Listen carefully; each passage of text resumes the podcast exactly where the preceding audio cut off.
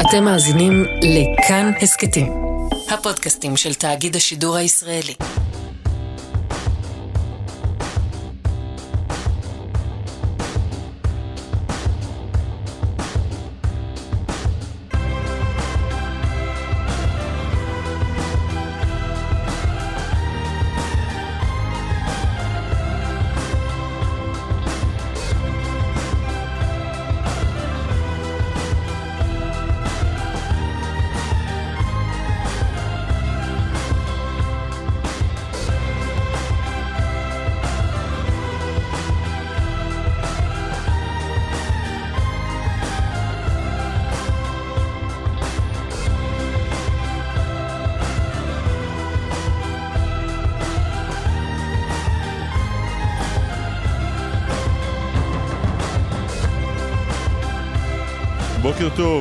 שלום רב, מה קורה? בסדר גמור. אנשים רבים אה, שואלים אותי, תגיד, איך אני יודע את מי לאהוד במונדיאל? אנשים רבים, כלומר, אשתך בדרך כלל, לא? אשתי ממש לא מתעניינת באירוע הזה. לא, אנשים אשתי, רבים. אם מישהו שואל, לא שואל אותי את זה, זו היא. כל השאר. כל השאר, אוקיי. עם ישראל. עם ישראל. ואני אומר להם, מה זאת אומרת? מה זאת אומרת? אתם אנשים אה, רציניים, לכו, אה, תבדקו את השחקנים, את הסגל, את שיטת המשחק, את שיטת האימון. תעשו עבודת תחקיר. ואנשים אומרים לי, אין לנו זמן לדבר הזה. אנחנו אנשים עסוקים, אנשים עובדים, יש לנו ילדים על הראש, יש לנו משפחה על הראש, יש לנו קריירה, למי שיש. יש לנו תחביבים אחרים שאינם כדורגל, מה לעשות? מה אתה, מה אתה ממליץ להם? תשאלו את קלמן. אוקיי.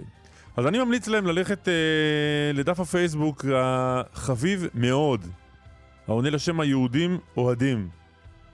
זה דף פייסבוק שמנתח לפני כל משחק את מי ה- צריך לאהוד. את מי צריך לאהוד. יש לנו היסטוריה יהודית עקובה ממעט שמחות והרבה עצב וצוררים. והחברים שם יודעים לעשות אה, לכת אחורה להיסטוריה ולקבוע לפי כל מיני פרמטרים, לא אלה שאתה הזכרת, את מי צריך לאהוד היום. אז הנה, ניתן uh, את תקציר החוקים כפי שהם מופיעים בפעילות הדף. בכל משחק נשווה בין הנבחרות ונועד את הנבחרת, את נבחרת המדינה שעשתה לנו הכי פחות צרות. אם יש דרבי צוררות, נניח פולין נגד איראן, אנחנו נשאף לתיקו רב נפגעים. אם יש דרבי חברות, נשאף לתיקו רב שערים, ושכל צדיק וצדיקה יבחרו את מי לאהוד. אם יש גרמניה, אז לא. עכשיו, אתמול היה משחק קל. קטאר נגד אקוודור, קטאר זה... הם עונים פה על הכל. אז הנה, הם כותבים שם בעמוד, קטאר תומכת טרור, צ'ק. חברה בציר הרשע עם איראן, צ'ק. מפעילה ערוץ חדשות מוטה ומסלף, צ'ק. שולחים מזוודות עם כסף לחמאס, מזומן. אקוודור, כל מה שהנ"ל לא. אז אתמול היהודים ניצחו. כמובן. אקוודור ניצחה 2-1 לטובת מי שפספס. 2-0 למי שפספס 2-0, לגמרי. וואי, ממש. אה, תגיד, עזוב רגע את הדף הזה, שאנחנו עוד נדבר בהמשך התוכנית. עם- לא, צריך להגיד.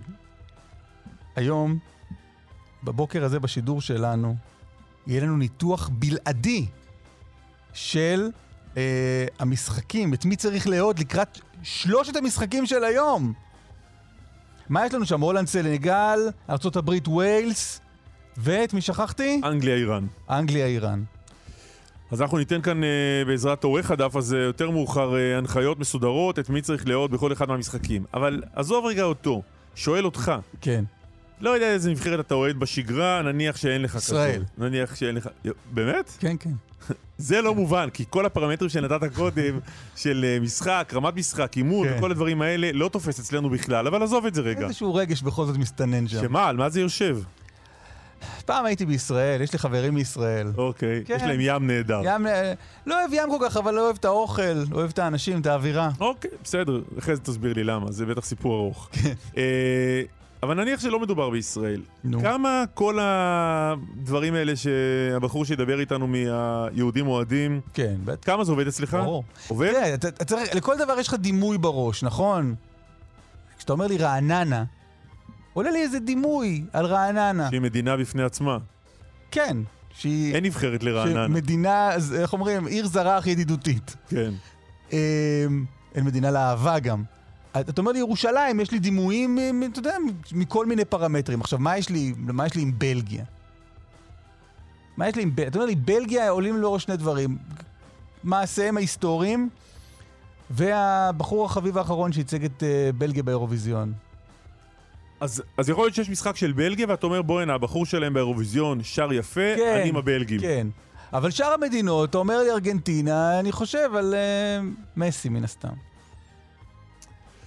הבנתי, אבל אתה יושב על כמה משבצות בעייתיות, אם מותר אה, לפתוח כאן את ענייניך. מה זה בעייתיות? הפוך. המוצא שלך משני כן. הצדדים זה צוררות על מלא. וואי, וואי, וואי. לא, אתה יודע, הזיכרון ההיסטורי שלנו, בוא נגיד, תשיגו לי את uh, עורך הדין שלי. זו תביעת... היום יש uh, הכרעת דין, פסיקה, במשפט הדיבה, נתניהו אולמרט. זה יחוויר לעומת, יחוויר לעומת מה שאתה עושה לי פה. צוררות?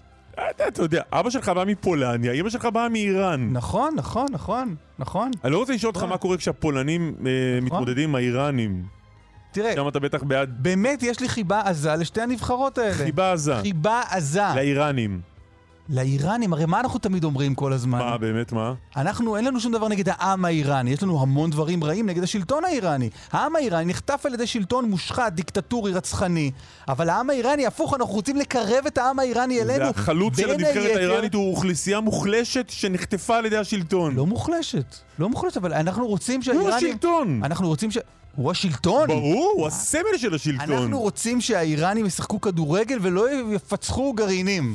יאללה. נכון. היכולת שלך להסביר לעצמך. אנחנו רוצים שהם ישחקו כדורגל. אנחנו בעד התרבות האיראנית. Mm. אנחנו בעד הכדורגל האיראני. אנחנו בעד השירה האיראנית, הספרות, המדע האיראנים. אני מפחד לשאול אותך, ממש מפחד לשאול אותך, מה אתה אומר לעצמך שהגרמנים עולים על המגרש? עזוב, אחרי לא. הסיפור האיראני אני מפחד לשאול. לא, גרמנים זה משהו אחר. מה?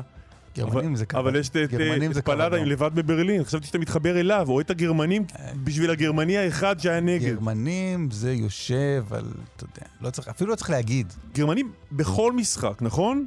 כל משחק של גרמניה נגד מישהו, אבל שוב, אתה יודע על מה זה יושב?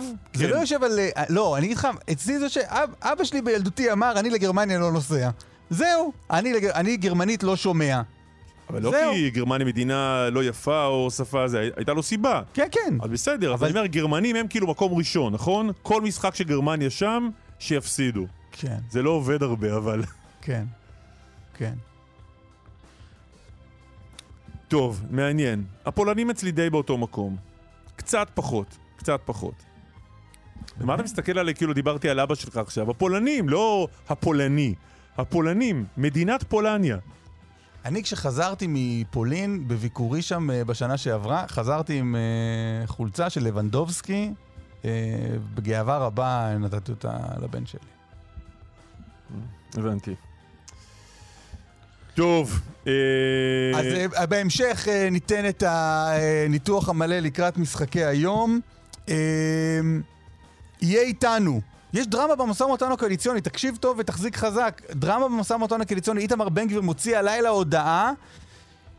חשבנו שאיתמר בן גביר הוא הגורם הממתן, המפייס, המבוגר האחראי בקואליציה העתידית של נתניהו. הוא יושב כמו שצריך עם ראש הממשלה המיועד? לא. בן גביר מוציא הודעה, אנחנו לא מרוצים ממה שנתניהו נותן לנו. נדבר על זה עוד מעט. אה, גם אה, מה קורה בצד השני של המתרס, באופוזיציה העתידית. גלעד קריב ממפלגת העבודה יהיה מכנס איתנו. להם כנס להצלת הדמוקרטיה. בהחלט. נהיה איתו שם בעניין הזה.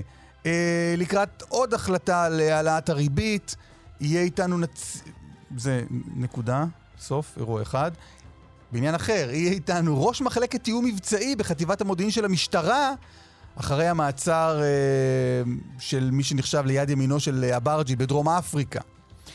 ולא זו אף זו, הבת של מנהיג קוריאה הצפונית נחשפת. פעם ראשונה אנחנו יודעים מי היא בתו וגם רואים אותה, אני לא זכרתי שיש לו בת. של קים ג'ונג און. ודאי שלא זכרת, כי זה לא נחשף ציפי עד עכשיו. שטונגון.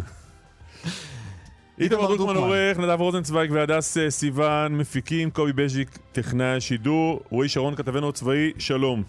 בוקר טוב. מה קורה בג'נין? בדקות האחרונות כוחות הביטחון אה, יוצאים משם אחרי אה, פעילות של מעצר מבוקש. אין נפגעים לכוחות צה"ל, מי שפעל שם איזה סיירת חרוב והימ"מ עצרו מבוקש, מבוקש אה, בחשד שביצע פיגועי ירי נגד כוחות הביטחון בחודשים האחרונים, זה בין מחנה הפליטים ג'נין, באזור הזה של מחנה הפליטים ג'נין, ואדי ברוקין, אזור שהיו בו הרבה התקלויות, הרבה, הרבה חילופי אש בחודשים האחרונים. והבוקר הימ"מ וכוחות אה, צה"ל נכנסים, עוצרים מבוקש אחרי חילופי אש, הוא מסגיר את עצמו לידי הכוחות, ושוב נציין, אין נפגעים בקרב כוחות הביטחון. רועי, תודה רבה לך. תודה. זאב קם, כתבנו בכנסת, שלום. שלום חברים, בוקר טוב. נסה לעשות לנו סדר, איפה... סדר בכל הבלגן. איפה, איפה המשא ומתן אה, מתקיים, איפה, איפה הוא בברוגז כרגע? קודם כל הוא מתקיים די בעצלתיים, כלומר אה, אין פגישות של נתניהו עם הראשים, שהרי שם ריפטו הבעיות בסופו של דבר. יש ככה פגישות של הצוותים, גם כן, לא באופן מרתוני. אתמול היו שתי פגישות, היום תהיה פגישה אחת אה, בתפזורת כזו. ת, צריך להגיד, הבעיה המרכזית הייתה ונותרה הסיפור של המשולש נתניהו-דרעי-סמוטריץ' ותפקידו של אה, דרעי וסמוטריץ', אה, ואנחנו מבינים כבר שזה הולך לכיוון של שר האוצר אה, לעבר סמוטריץ', אם כי זה עוד לא רשמי, ודרעי כן, עצמו זה, עוד לא... זה הולך לשם? כן, אה, כולם מבינים שאם יהיה פתרון, זה יהיה הפתרון הזה, כי הליכוד את הביטחון לא ישחרר. ואנחנו כן מזהים אמירות אצל הליכודניקים שאומרות, אם בקצה נגיע למצב שאנחנו באותו מצב עכשיו, אז מי שיצטרך לוותר זה כנראה אריה דרעי על אה, תיק האוצר לסמוטריץ', כי הוא אחראי, הוא זה שהרי דואג לגוש ולתחזוק הקואליציה, אבל הבעיה עכשיו אה, נהיית מורכבת יותר, כאשר סמוטריץ' מודיע לאנשי הליכוד ולנתניהו, תיק האוצר לבדו לא מספיק לי. אני רוצה בתוך האוצר שתעבירו לי רבע ממשרד הביטחון. כל האחריות על הנושאים האזרחיים, על המתיישבים ביהודה ושומרון, להעביר בבקשה מהביטחון לאוצר. זה אומר כולל מתפ"ש, תיאום פעולות הממשלה בשטחים, המינהל האזרחי, האחריות על אכיפה בשטחים פתוחים, ממש כל האחריות לנושאים שקשורים באזרח הישראלי שגר היום ביהודה ושומרון, למשרד האוצר. זה הולך לסבך את האירוע אה, בצורה משמעותית, גם מול שר הביטחון הבא, שמאוד לא יאהב את זה. אבל תגיד רגע, מול... זאב, עוד רגע לפני הדרישה הזאת, אתה מבין שהייתה איזושהי הסכמה מתגבשת שאריה דרעי באמת יוותר על תיק האוצר לטובת סמוטריץ'? אני אגיד דבר כזה, לא הסכמה, כי דרעי עצמו עוד לא אמר אני מוכן אני, אבל כן קריצת עין מכמה גורמים אה, לעבר סמוטריץ', תדע שזה כנראה האופציה הריאלית ועל הדבר עליו. הזה אתה אומר, יש מצב שהוא יגיד, אה, בואנה אחי, זה כבר צעד אחד יותר מדי. מי? דרעי. לקחת, לקחת ממשרדו. לא, לא, הפוך, זה להביא ממשרד הביטחון 아, אה, 아, אה, למשרד אוקיי, אוקיי, האוצר. נכון, כלומר, נכון, בהנחה נכון. שסמוטריץ' יהיה שר האוצר, הוא רוצה אליו, למשרד שלו, כן. חלקים מהאחריות של משרד הביטחון. הדבר השני שהזכרתם אותו... שזה כבר תהיה אותו, בעיה של uh, יואב גלנט לכאורה. מול שר הביטחון, בהחלט, כן. אין ספק, הוא, לא, הוא מאוד לא יאהב את זה, וזה בעדינות, מה שנקרא. כן, יואב גלנט, uh, שהזכיר עכשיו... Uh, אסף. אסף, סליחה. בלבל לי פה כל השמות האלה. מבין, אתה יודע מאיפה הגיע אבא שלי ומאיפה הגיע אימא שלי, ואתה לא זוכר איך קוראים לי, זה מדהים. עשית שם תווית קטנה על השולחן. יואב גלנט, אם תיק הביטחון הולך לליכוד, זה גלנט? ב-90 אחוז כן. כלומר, אני לא רואה מישהו אחר שהוא, אה, גם מבחינת המיקום בפריימריז ברשימה, mm-hmm. גם מבחינת uh, הבטחות בחצי פה שנאמרו בעבר על ידי נתניהו, התשובה היא כן, בגדול כן. הבטחות מקיימים בדרך כלל. משתדלים, כן. אנחנו. Uh, הדבר השני, והזכרתם אותו בהתחלה, זה הסיפור של עוצמה יהודית. שם זה סיפור טיפה uh, פחות דרמטי, כי יש כן uh, הבנות בין בן גביר לבין נתניהו על מירב הדברים המרכזיים שדרש בן גביר. הסיפור של תיק הנגב, הגליל והפריפריה הוא אגב עוד אירוע מול ש"ס, כי גם זה תיק שאריה דרעי באופן מסורתי לקח אליו בקדנציות האחרונות, ולכן זה יותר מחלוקת שתתפתח עכשיו בין בן גביר לבין ש"ס, פחות מול הליכוד, אז אם תרצו, אה, ככה דרעי הוא במרכזה של מחלוקת גם פה וגם שם. זאב קם, תודה רבה לך. בוקר טוב, תודה. חבר הכנסת צביקה פוגל, עוצמה יהודית, שלום, בוקר טוב. בוקר טוב, קלמן ואסף. מה שלומך? לא רע, בדרך לירושלים מרגיש נהדר, אתה יודע, ימים ראשונים, אנחנו עוד מתלהבים. אתה אומר, זה ישמם אותך מתישהו. לא, לא, לא, הסר דאגה מלבך. דרך ארוכה יש לך, נכון? נכון מאוד, כן, כן. יצאתי ברבע לשש הבוקר ממשמר הירדן. ומתי תגיע? בשמונה חמישים. וואו, וככה כל בוקר תעשה? שלוש שעות. לא, לא, לא. מה? צריך להגזים. אני אשן... אה... בירושלים אני מעריך שני לילות, ונמצא את הדרך. תגיד, כשהציעו לך את העבודה הזאת, לא חשבת על המרחק? קלמן, לא הציעו לי את העבודה הזאת, בחרתי בעבודה הזאת, הבנתי מה המשמעות. אתם מכירים אותי כבר מספיק שנים, קורסת אה, הפרשן הביטחוני הייתה מאוד צביקה, נוחה. אה, נפל לך חוש ההומור, בדרך ממשמר הירדן לירושלים לא, נפל לך לא, חוש לא. ההומור, סע קצת אחורה כמה מחלפים, תנסה לראות אם אה, זה שם. האזנתי לכם בקשב רב, ואני חייב להגיד לכם שנתתם לי כלים נוספים לבחור את מי לאהוד במונדיאל הזה. כלים נוספים. זה אנחנו. לתת כלים. למאזין, זה אנחנו, בשביל זה אנחנו פה. יפה מאוד. אה, אפרופו כלים נוספים, איפה עומד המשא ומתן שלכם? שאלה מצוינת, אני מאוד הופתעתי אתמול בערב, הייתה לנו שיחה עם אה, איתמר, שבה התברר שדברים שכבר הוסכמו ונחתמו, הופרו ברגע האחרון, ואותה עוצמה יהודית, שבאמת עשתה מסע בחירות אה, מאוד מבריק, ובאה למשא ומתן הזה מאוד מסודר, עם חוברת יפהפייה של 180 סעיפים להסכמים הקואליציוניים. עם דרישות מאוד ברורות מה אנחנו רוצים כדי בסופו של דבר לקיים את ההבטחות. אחד מהתיקים היה אה, כמובן המשרד לביטחון פנים, והשני היה משרד הנגב, הגליל והפריפריה החברתית. ואתמול בערב התברר לנו שלמרות הסיכום שהמשרד הזה שלנו, הוא איננו. היה סיכום או שביקשתם היה ואולי גם אחרים ביקשו? סיכום.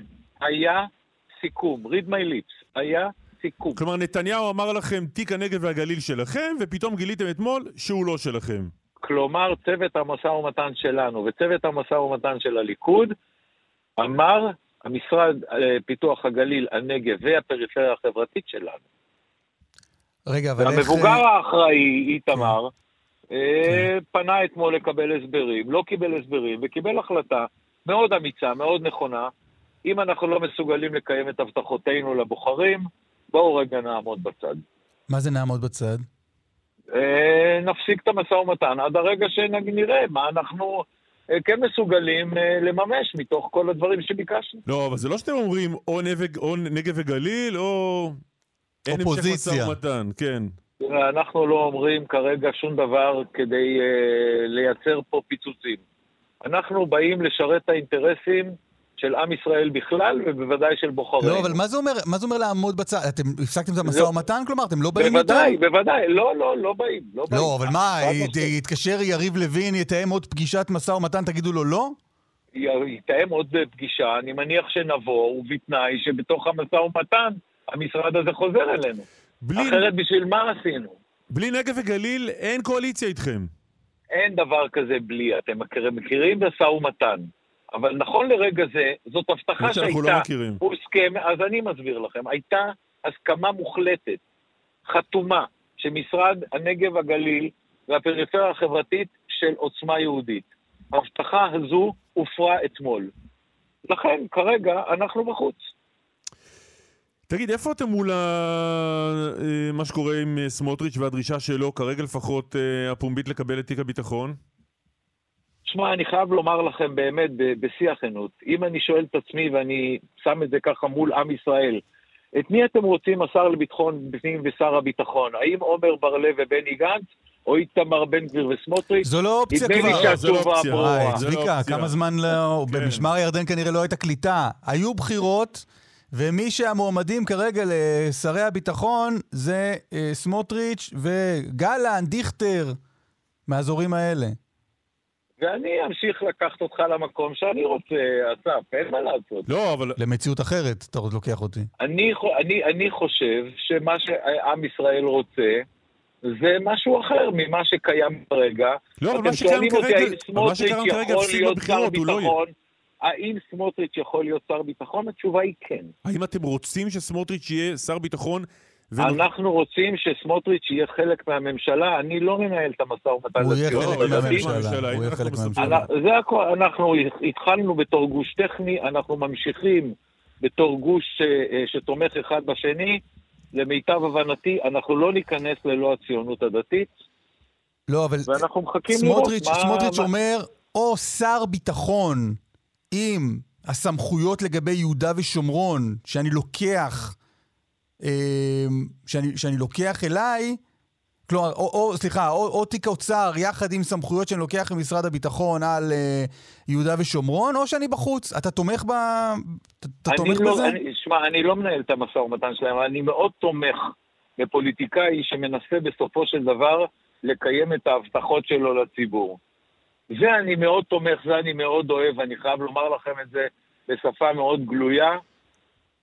בואו נעשה פוליטיקה אחרת, כזו שלא רק מבטיחים, אלא גם מקיימים. לא, ומכיוון שכך, אם סמוטריץ' רוצה לקיים את הבטחותיו ולמלא הרבה מאוד מהן שקשורות נניח ליהודה ושומרון ולביטחון ולמלחמה בטרור ולכן הוא רוצה להיות שר ביטחון והוא אומר בלי תיק הביטחון אני לא נכנס לממשלה.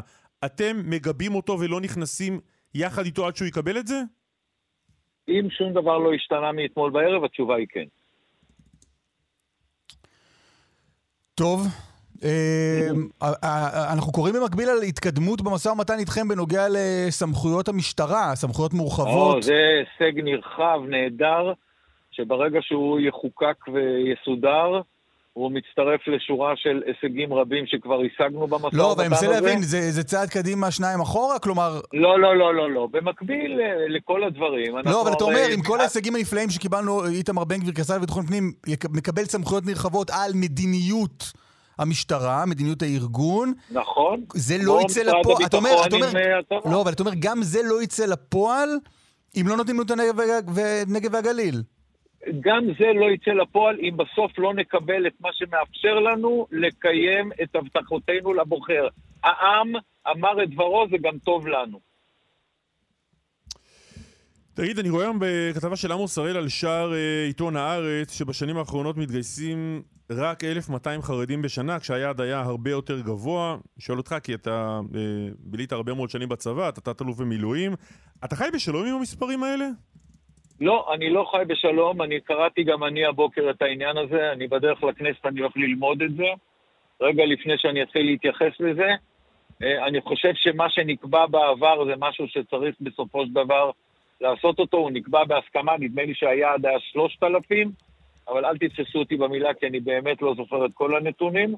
ובסופו של דבר אנחנו נעשה באמת את מה שהכי נכון ובהסכמה, כדי שצה"ל יוכל להמשיך אה, לעמוד ביעדים שלו. צריך לגייס, צריך לגייס יותר או הרבה יותר חרדים בשנה?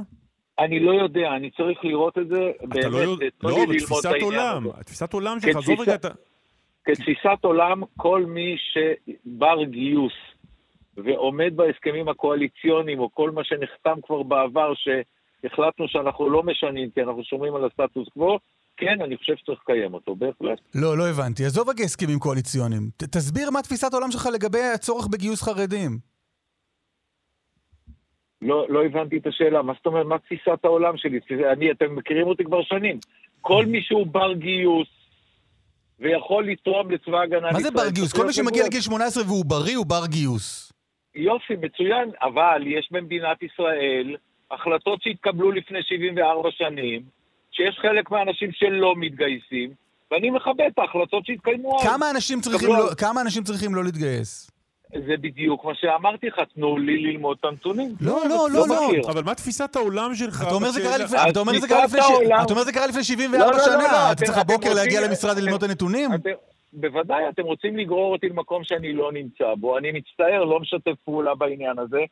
אני מכיר את מה שקראתי הבוקר, ש-1,200 מגויסים או לא מגויסים, שהיעד הוא 3,000. לא, צביקה פוגל, לא אני, אסביר כן. יכול להיות שלא לא היינו מובנים. אני אסביר שוב את השאלה. יש תפיסות שונות, יש אנשים שאומרים כל מי שמגיע לגיל 18 והוא בריא ויכול וכשיר להתגייס לצבא, צריך להתגייס, קוראים לזה שוויון, מלא. יש כאלה שאומרים מהצד השני לא, כל מי שיכול ללמוד בישיבה, חשוב שילך ללמוד בישיבה, כי לימוד תורה חשוב מאוד, גם על חשבון שירות בצבא, ויש מנעד שלם באמצע. איפה תת-אלוף במילואים צביקה פוגל נמצא? עזוב רגע הסכמים מלפני 70 צביקה- שנה. למה לעזוב את ההסכמים כי לפני אני שואל 70 שנה? לעמדתך הערכית, עזוב רגע. עמדתי, עמדתי הערכית היא שמי שנקבע שהוא צריך אה, ללמוד תורה, כי זה חשוב לקיומה של מדינת ישראל, אני תומך בזה מאוד. לא, מה זה נקבע? חברי כנסת קבוע, היום אתה חבר כנסת, אם אם אז אני אם לא עמדתך רוצה שונה, לשנות, אני אתה לא לא רוצה רוצה לשנות. לשנות את ה... לא, ממש לא. כלומר, אז על פי המגמה הזאת, אה, חרדים, פחות ופחות חרדים, יתגייסו לצה"ל, ואתה אומר זה בסדר. זה, לא, זה מה שאתה אומר, לא אני, סליחה. אני אמרתי נו, לכם כי זה המצב הקיים, הבוקר במצב את הקיים, במצב הקיים אבל- יש שחיקה אם במספר הק- המתגייסים. אם, אז אם המצב הוא קיים, הוא בניגוד להסכמים, ואני הבנתי שההסכם היה על 3,000 מתגייסים, אז צריך לקיים את ההסכם הזה. ואם לא מקיימים אותו, צריך לראות למה לא מקיימים אותו. זה הכל. מאוד פשוט. יש הסכמים, בואו נכבד את ההסכמים שהושגו. הם הושגו בהסכמה, הם תרמו לשלום בית, למה להפר אותו? אוקיי, אז אתה אומר, מבחינתך, אם היעד הוא 3,000 מתגייסים חרדים בשנה, זה צריך להיות היעד, זה צריך להישאר היעד. נכון מאוד, אם זה היעד שהוסכם, זה היעד שצריך יש לך רעיונות אז איך להגיע? מי שרוצה יש- לשנות אותו, יש לך רעיונות לאיך להגיע? אם הפער הוא 1,800 מתגייסים חרדים בשנה, יש לך מושג איך, אה, איך כמו להביא שאמרתי יותר... לך לפני רגע, תנו לי כן. ללמוד את זה. לא, אני לא יודע. אני באמת שאני לא יודע, אני גם לא מכיר את מצבו של צה"ל היום. התנתקתי מזה בארבע שנים האחרונות, שלא מרצון, אבל התנתקתי ממנו, ואני אלך ללמוד את זה מחדש, בהחלט. אז לא נפריע לך ללמוד. חבר הכנסת צביקה פוגל, עוצמה יהודית, תודה לך. רק בשורות טובות. רק. בשמחות להתראות. אמן. חזרנו. אה, אורלי, איתנו? רגע נדע מה קורה. כן, לדעתי אורלי- קלה אני איתנו. חשב... בוקר טוב, חשבתי אולי אני אסע לדרום אפריקה לראות את הארכת המאסר השנייה, אתם או, יודעים, או, או, מה קורה, מה. קורה היום בדרום אפריקה? מה קורה? אז היום בדרום אפריקה יובא העבריין אה, יניב בן סימון להארכת מעצר שנייה, כמובן בין- עם נציג משטרת ישראל וגם הרשויות אה, בדרום אפריקה. זה קורה לאחר שהוא נעצר אה, לפני אה, חמישה ימים על ידי רשויות עם נציג משטרת ישראל באחוזה שלו בפאתי יוהנסבורג. יש לו אחוזה. אחוזה, רבותיי, זה אחוזה, כן. היו איתו עוד שבעה עבריינים ישראלים שגם מעצרם מוארך. זאת אחוזה של עבריינים כאילו? בדרך כלל הם חיים באחוזות? שם. הם חיים, לא, לא, זה לא קרוב לקומונה. מי שלא עבריין לא? יכול להיכנס? לא. חד אוקיי. משמעית לא. כל פעם ממש לא. האנשים הלא נכונים. אוקיי. תשמעו, גם האמצעים שנמצאו שם, אמצעי הלחימה, עשרות אקדחים ורובים ומטענים ועשרות אלפי דולרים. המקום שם אה, עבד אה, כמקום של אה, מה שנקרא גם ביתו וגם משרדו של... לא הבנתי משהו, אבל הוא ברח לשם כי הוא היה עבריין גדול פה. עם כל הנשקים האלה והכל הוא היה עבריין, עם כל האמל"ח וזה, גם שם? אה, קלמן ציפה שאם הוא עזב, הוא הוא רוצה להתחיל. הוא רוצה להתחיל מחדש. לנסוע לדרום אפריקה, להקים איזה עסק, אולי פלאפליה. הוא להיות- הקים, הוא הקים שם, להיות הוא עבריין הקים פה שם. ולהיות עבריין שם זה לא אותו דבר. תשמעו, חברים, יש נגדו כתב אישום בפרשת הכל. 512, והוא יודע את כתב האישום, והוא מכיר את כל הראיות, מאחר ואנשים, אה, גם אה, הבוס שלו לשעבר, אברג'ל, נשפט על שלושה מאסרי עולם בגין 512, והמשפט מתנהל אה, עדיין גם על, על אה, עבריינים אחרים, נאשמים אחרים בתיק הזה, והוא יודע בדיוק מה עומד נגדו במדינת ישראל. אז מדינת ישראל אה, מחכה אבל לו המעצרים. אבל, אבל הארכת המעצר היא שם, כשהוא, מעמידים אותו לדין שם? לא. בואו נתחיל, בואו נעשה סדר. קודם כל, מוציאים נגדו, אה, האינטרפול מציב אותו ברשימת העתרות האדומות ומוציא צו מעצר בינלאומי לאחר שהוא משתחרר ממדינת ישראל שצריכה לשכנע כמובן את המדינה ששם נמצא העבריין, שיש בכדי ויש כתב אישום נגדו. ואכן זה קורה. אבל Hmm. הוא ביצע עבירות בדרום אפריקה, ודרום אפריקה תרצה לשפוט אותו על העבירות שהוא ביצע שם, על האמצעי הלחימה שנמצאו ברשתו, עשרות אלפי כן. זה דולרים. אסור, סחר ואסור להחזיק בסמים. בהרבה אמצעי לחימה באחוזה, גם על פי החוק הדרום אפריקאי. בואי נצרף אלינו לשיחה את ניצב משנה שמואל שרביט, הוא ראש מחלקת תיאום מבצעי בחטיבת המודיעין של משטרת ישראל. שלום, שלום, בוקר טוב. מה שלומך? בסדר גמור, תודה. אתה נמצא פה, נכון, אני בישראל. ועוקב כל הזמן אחרי מה שקורה בדרום אפריקה? אה, מן הסתם כן, אה, מדובר אה, באמת, כמו שציינה הכתבת, בפעילות אורלי, אורלי אלקלעי, זה לא כתבת, זה אלקלעי. לא, מוסד. לבין הכתבת. כן. ברור, ברור, אורלי אלקלעי. פעילות שאנחנו ביצענו ביחד עם רשויות בדרום אפריקה. במקרה הספציפי הזה מדובר ב... כפי שציינו ואנחנו מכירים, יניב בן סימון. הוא חשוד וכנגדו שלושה סעיפי אישום במסגרת אה, פרשיית 512, כפי שכולנו מכירים. סעיפי האישום מדברים על אה, יבוא סמים, ניסיונות אה, רצח וניהול ארגון פשיעה. הבחור בשנת, משנת 2007 בערך עזב את ישראל, ובשנת 2015 התפוצצה פרשה 512, כפי שאנחנו זוכרים ומכירים. מה, מה, ובשלב מה- הזה- למה אנחנו כל כך רוצים לשים ידנו עליו? מה הוא עשה? אז בפועל. ככה, אז, אז, אז עוד שנייה ונגיע גם לזה. בשלב הזה של, של חקירה גלויה בפרשה 512, הוא היה בחו"ל, בדרום אפריקה. מאותו רגע הוצאנו הודעה אדומה משנת 2015, והוא בסוג של בריחה, מתנהל כדרוש חקירה אה, אה, ועושה מה שעושה בדרום אפריקה. בשבועות האחרונים, או אולי אפילו בחודשים האחרונים, נוצר לנו, קיבלנו מודיעין אה, טוב. הפעלנו אמצעים טכנולוגיים ואיומינטיים ואמצעים נוספים, וכמובן, כמובן, בשיתוף הרשויות המקומ... המקומיות בדרום אפריקה, הצלחנו לעלות על עקבותיו, וביום רביעי, בוקר ליום חמישי, בוצעה פשיטה רחבה מאוד, עם, עם, הרבה נציגות, מאוד עם נציגות כוחות. של משטרת ישראל או שזה הכל הם? לנו יש נציג, אה, יש לנו הרבה מאוד נציגים. ב- הבחור שצעק "תס- להסתער הוא משלנו. הוא היה שם. הוא היה שם. הנציג שלנו היה לא, שם. אבל לא, רגע, אבל הכוחות הפורצים לאחוזה הזו, הם, ברובם דרום אפריקאים? כן, כן, כן. דרום אפריקאים, כוחות מיוחדים אה, של דרום אפריקה, אבל הנציג שלנו כמובן תכלל את כל הפעילות הזה, הזאת, אה, ידע לעמוד עם קשר עם מי שצריך, בקשר, ידע לנהל את האירוע הזה, והיה שם, היה במקום שהוא צריך להיות. חברים, אתם אופן. זוכרים את המעצר שהיה באמסטרדם, שנציג משטרת, נציג משטרת נכון. ישראל, כן. ניגש לשי אביטל ואומר לו, אבל שם שי, זה היה קל, הוא ישב באיזה בית קפה או משהו. יפה, אבל כאן זה גם אחוזה של כשהוא נכנס... עבריינים עם נשק נכון. ואמל"ח. עבריינים, וכאן אה, יש שמונה. הם היו שמונה סך הכל, ואותו נציג צריך לגשת ל- ליניב בן סימון ולהגיד לו, יניב, שלום, בוקר טוב לך, ואז ברגע שהוא ענה והוא מזדהה, אותו נציג משטרת ישראל אומר לרשויות, זה האיש. מי זה היה, מי זה היה. ההוא שניגש אליו? צודקת אורלי, זה היה פחות או יותר אה, כך, אה, נציג שלנו, שהוא אחראי על אזור אה, דרום אפריקה בין היתר. יש לנו הרבה מאוד נציגי אה, משטרה שמה, בכל שמה, אז מקום. בוא, בוא תתאר אתה, מה הוא עשה שם בדיוק? אז הוא היה עם הכוחות. אה, כפי שאמרתי, הוא, אפשר להגיד, אה, היה חלק אה, עיקרי בניהול המבצע הזה עם הדרום אפריקאים ורשויות נוספות. לא רק הפעילות המבצעית, אלא כל מה שקדם לו. הרי בשביל לייצר פעילות מבצעית והוא היה, כזו, הוא, הוא אחר כך הוא היה באיזשהו, הוא יצר איזשהו מגע עם יניב בן סימון? הוא היה שם, הוא היה שם. מה, כן. לא, אבל ב- באיזה כן. שיח איתו? היה גם שיח, כן. מה היה בשיח? מה היה? פחות או יותר כפי שתיארה אורלי. אה, אנחנו צריכים לזהות באמת שזה שלום, זה אה, דוד ממשטרת בן ישראל. אתה יניב? אה, משהו בסגנון הזה. לא, לא נכנס נכון, לא. נכון. קלמן אה, הגחיך את זה, לא נכון. לא, אה, אה, בואו, אה, בשביל באמת להיות רציניים, נו, אז זה לא, אז, באמת, אה, באמת רציני, תספר מה, איך- הוא מזהה אותו, איך הוא מוודא שזה הוא. הכוח נכנס, הכוח נכנס, הגיעו כוחות מיוחדים. בגלל המידע שהיה, שידענו שאמור להיות שם אה, אמל"ח רב. סך הכל, אה, כפי שאתם יודעים, נתפסו תשע- 19 כלי נשק. מה הוא עשה שם? לא, אבל רגע, אבל תתאר, המגע איתו, מה- מה קורה שם כוחות- במפגש איתו? אז הכוחות נכנסים, וברגע שמשתלטים על כל האחוזה, כפי שציינה, והעצורים, אה, כל החשודים נעצרו ונאזקו, נכנס הנציג שלנו, מזהה את מה שצריך. עכשיו, מה הניואנסים הקטנים שהיו שם הם לדעתי פחות חשובים. אלוהים נמצא בפרטים הקטנים, תדע לך.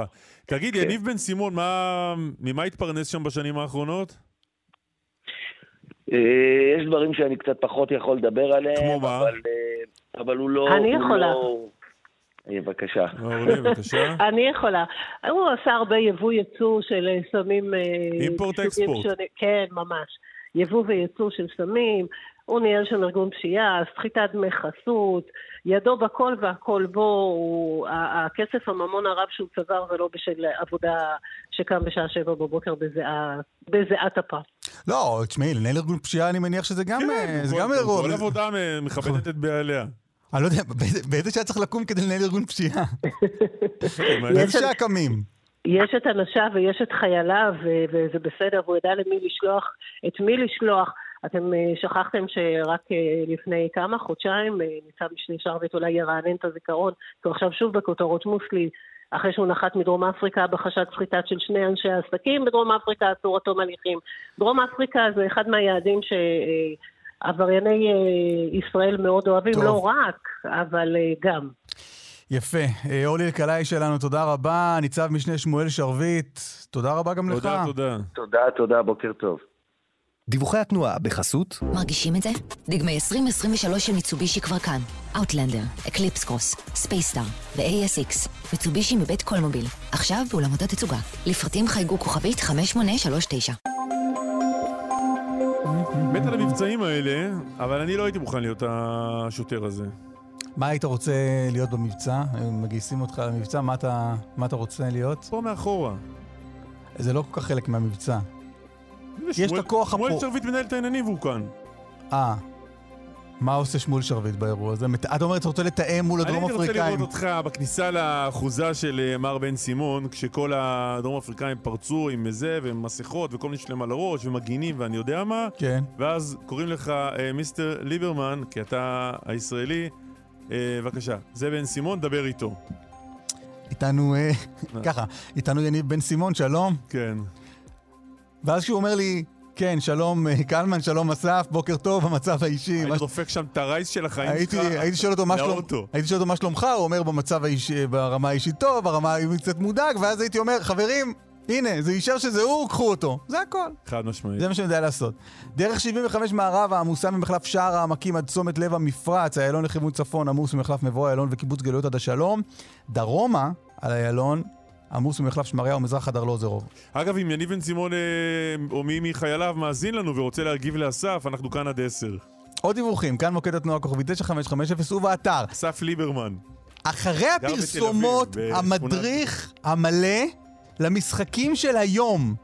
שלושה משחקים, את מי אה, הצופים ממדינת היהודים, את מי הם צריכים לאהוד במשחקי היום. כל הפרטים, עוד שנייה. אה, העמוד אה, בפייסבוק הקרוי היהודים אוהדים. שלום אליעד. היי, בוקר טוב. תודה העניינים? שאתם מארחים אותי. תודה שאתה. מתארח אצלנו. אל תריבו עכשיו, נו, עוד לא התחלנו את הראיון. לא, אתה, אני, אני מתרגש, כי האיש בוא'נה, אני עוצר... גדלתי עליכם, בחייכם, על מה אתם מדברים? כן? לא יודע, מתישהו זה יקרה, אתם יודעים, מישהו יבוא אליכם ויגיד לכם את זה. נכון, כן, נכון. עכשיו תצאי לשאול אם אתה בן חמש וחצי. אה, אה, אתה יודע, פעם הייתי. אתה, אתה עוצר, אתה עוצר אה, הרבה מאוד אה, מידע, אה, מקשר אותו לכדורגל.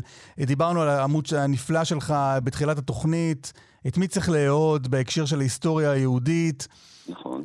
היום שלושה משחקים. רגע, אולי עוד מילה, איך זה עובד הדבר הזה? כל משחק אתה הולך מה, חופר אחורה בהיסטוריה?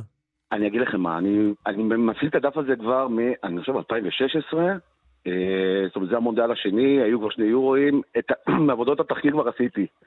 אה, אה, רק צריך לשלוף. אבל אני מתאים את זה גם לעכשיו, וגם צריך קצת לשנות ולרענן, אבל כן, כל מדינה, אה, ההיסטוריה עם היהודים והיסטוריה עם מדינת ישראל, אפילו עד להצבעות באירוויזיון הגעתי. אה, הנה פה, הדלקת את הסף. יפה. אז בואו נלך למשחקים של היום. שם רגע בצד את אנגליה, איראן, זה נראה לי המשחק הקל ביותר. קח אותנו כן. ל- להולנד סנגל. אה, תראו, בואו נתחיל עם, ה, עם הקהל. סנגל, אה, אין לנו ממש איתם שום בעיות, לא היו בעיות. אה, האמת היא שהם יחסית למדינות אפריקה, גם בין הידידות היותר גדולות, אה, רוב מדינות אפריקה, לפחות אה, לא צפון אפריקה, אלא אפריקה השחורה נגיד, אה, היו ביחסים מצוינים עם ישראל עד יום כיפור, ואז היה נתק מאוד ארוך, ואז חזרה. אוקיי. אה, סנגל, סנגל אני חושב בין חיבה היחידים קטנה. שעוד כן שמרו איתנו על קשר, גם אז. אה, וזהו, ואנחנו איתם ביחסים מצוינים. אה, אבל אה, אבל יש לנו את ההולנדים בצד השני. אני רוצה, אני מניח שזה כבר לא תהיה הפעם הראשונה, אבל ההולנדים לא היו נחמדים אלינו. אף פעם. זאת אומרת, אולי מדינת ישראל בשנים האחרונות, כאילו, הוא התקבע איזשהו אה, אה, רעיון שההולנדים... אה, לא, הם לא. את אנה פרנק הסגירו, כן? זה לא, ש, זה לא שהם הסתירו אותה כל כך טוב. אה, הם היו משת"פים די גדולים. אה, וממש אה, לא במלחמת העולם השנייה, ההולנדים והיהודים זה לא היה סיפור אהבה. בקיצור, ו- הולנד סנגל, אנחנו עם סנגל. ברור, ברור. כן? סנגל, סופי. סופי סגור ומסוגר. אוקיי. טוב, במשחק הזה, נראה נגד מי האוהדים יהיו הולנד, אבל uh, במשחק הזה סנגל. ארצות הברית ווילס? או, תראו, בגדול נתחיל עם הוולשים, אין לנו איתם שום עניין בכלל. בכלל בכלל. אני חקרתי אולי פעם לפני באמת איזה 100-200 שנה, היה איזה עניין עם, יהו- עם יהודים, אבל בקושי היו שם. אה, אין לנו איתם עניין. ניטרלים, מצד אתה אומר זה ניטרלי לגמרי. הוולשים כן, נו, מה הם עשו לנו חוץ מלנצח אותנו בכדורגל? לא הרבה. אה, מצד שני יש את ארצות הברית. כן, נו, מה? אנחנו פה בזכותם קצת, לא? זאת אומרת, אם הוולשים היו נותנים לנו נשק וכסף ותומכים בנו באו"ם כל הזמן, ו... אז היה על מה לדבר. אבל בכלל ארה"ב היא מאוד מאוד גבוה במדרג של המונדיאל הזה, נכון? כן, אבל לא הכי גבוה. אי אפשר להתעלם מכל מיני תמורות אנטישמיות שהיו ועדיין ישנן בארצות הברית. לא, למי אתה נותן, לא... למי אתה נותן בכלל, במבט, אה, במבט על, למי אתה נותן את הניקוד הכי גבוה? כלומר, איזה, איזה מדינה היא ידידתנו הגדולה אה, ביותר? קנדה. קנדה. קנדה, אה, דנמרק, אוסטרליה. אבל שוב, התרומה שלהם... התרומה שלהם היא... התרומה. שלהם היא בזה שהם לא עשו לנו שום דבר. כן, כן. אתה אומר, כולם מתחילים במינוס, הם לפחות מתחילים כן, באפס. כן, הם מתחילים באמת בקארט בלאנש, וכן, אבל לארה"ב, תראו, בגדול, כאילו וויילס אמורים להיות הבחירה, אבל אה, מצד שני, אני... אנחנו לא רוצים להסתבך עם אמריקאים, נכון? טוב, סבבה, נשאר לנו עוד חצי דקה. אנגליה, איראן כאילו קל, כי איראן זה איראן, כן. אבל אם אנגליה הייתה מול מישהו אחר, היית מזכיר לנו את המנדט. אה, תלוי נגד מי, אם הם היו נגד אה, קוסטה ריקה, אז ברור שאנחנו נהיה בעד קוסטה ריקה, אה, מנדט, רוג'ר ווטרס הזה, מה פתאום הוא... זה, למה BDS על קטר הוא לא עשה? אבל... לא, אבל קל להיות בעדנו שאתה בקוסטה ריקה, לא יודע. צריך... קוסטה ריקה, אורוגוואי אם אתה רוצה קצת כן. יותר... צריך, צריך עוד, עוד נדבר על זה במהלך הטורניר. נדבר במהלך מונדיאל על ארגנטינה ואיפה אנחנו שמים כן. אותה עם מסי ואייכמן. אליעד פרידמן עוד נדבר במהלך הטורניר הזה, מנהל העמוד היהודים אוהדים, תודה רבה לך. תודה לכם. פרסומות, חדשות, ואז גלעד קריב על מפלגת העבודה לאן, וגם אה, פסק הדין נתניהו נגד אולמרט, עוד מעט. חזרנו על השעה השנייה, מתקיים כרגע אירוע ש... רק אם תלחץ, אבל אני מבקש שתלחץ, אני בעוד דקה אגיד לך מה אני חושב עליו. אה, רגע, אתה מפריע לי, אני צופה עכשיו בזה. אז תמשיך אתה, אני אעשה אני צופה... במה אתה צופה? אני צופה בת... הנה, אפשר גם לשמוע את זה. אפשר לשמוע? החברתיות שעליהן נועד חופש הביטוי להגן. חופש הביטוי הוא, אם כן, הערך האחד שעליו מבקשים דיני לשון הרע לשמור ולהגן. הערך האחר הוא זכותו של אדם לשם טוב. וגם זה ערך טוב, בוא נגיד מה, מה אנחנו שומעים. אה, פסק הדין בתביעה של אה, בני הזוג נתניהו נגד אהוד אולמרט, שכינה אותם... אהוד אולמרט, שזו תביעה, באמת, התביעה גרמה לזה שבכל פעם שנדבר על התביעה, נצטרך להגיד שאהוד אולמרט אמר על, בני, על, על, מש, על משפחה של נתניהו שהם חולי נפש. לא, שים, שים את זה ברקע, שלא נפספס את הדבר... אבל הדבר הזה משודר בשידור חי. כן, צריך להגיד, היה בזמנו פיילוט, שבדקו איזה דברים אפשר להעביר בשידור חי, ואיך זה מתקבל, ואיך זה עובד, והיו שם הרבה פסקי דין עקרוניים, בעיקר מבית המשפט העליון. לא פסקי דין, היו דיונים עקרוניים. דיונים, דיונים, נכון. כן, ואז היה מעניין, השופט שאל שאלה כזו, עורך הדין ענה תשובה כזו, ראינו את הדינמיקה, וזה היה... שוב, בעניינים של מדינה. הם היו, הם, הם היו נפתחים, והנה פה, בית משפט השלום בתל אביב, דיון בתביעת דיבה באירוע נקודתי בין שני אנשים שאומנם יש להם חשיבות uh, ציבורית והכול לאנשים, אבל הנושא... הנושא הזה חשוב לאזרחי ישראל. לא שהוא לא חשוב לאזרחי ישראל, גם מה שמשודר כרגע זה לא הדיון. שם היית אומר, אתה יודע מה, אולמרט אה, טוען ככה, נתניהו טוען אחרת, מעניין אותנו לראות את זה. הדיון נגמר, יושב לו כרגע השופט, אני אוסיף כאן, בהליך של רדיפת פרסום, אין לי דרך אחרת לתאר את הדבר הזה, באולם ריק, לידו הקלדנית, מצד אחד עורך הדין. השופט הוא עמית יריב. מצד אחד העורך דין של צד אחד, מצד שני עורך דין, אה, עורכי דין של צד שני. והמצלמה עליו. המצלמה עליו. והוא במוקד. 15 דקות התהילה, ואם תיתן לי לנחש, הן יהיו 15 דקות. למה? אם הוא יודע שזה מצולם, הוא יכול גם להעריך. נכון, התכוונתי לזה שזה לא ייגמר בדקה. אה, לא יודע מתי בפעם האחרונה מישהו זיהה אותו, היום יזהו אותו. ואני מצטט: מה שלא בר שיקום זה מחלת הנפש של ראש הממשלה ושל אשתו ושל בנו, זה לא בר שיקום, והדרך היחידה לשקם את המדינה זה להכניס אותם באגב, בתנאים רגילים כל רופא פסיכיאטר שיש לו מצפון, ואני מוכן להפגיש אותך עם לא מעט מביניהם שהיו טוב, אומרים שצריך להוציא צו אשפוז גדול. טוב, בוא נצרף אלינו את תמר אלמוג, פרשנטן למשפט, שלום תמר. שלום חברים, כן, אני גם אה, אה, תוך כדי איתכם שומעת את, אה, את ההחלטה הזאת של השופט בבית המשפט, והשופט חוזר על הנתונים, אבל בסופו של דבר אני רק נזכיר שהתביעה הזאת שהייתה ל-18 משהו אלף שקלים, אומר, אמרה משפחת נתניהו שאולמרט בעצם אמר פה דברים שאין להם שום ביסוס, וראינו דיונים מאוד סוערים, ובסופו של דבר, דיון, אולמרט יכול היה לנסות לא לטעון אמת דיברתי, אלא חוות אה, אה, שבעצם מדובר בדעה שלו, ולכן הייתה פה איזושהי, אה, היה רצון של הצדדים להביא הרבה עדים שיגידו, כן, כל אחד ניסה לעשות מזה כמה שיותר כותרות. אני כאמור, אה, במקביל אליכם שומעת את החלטת השופט.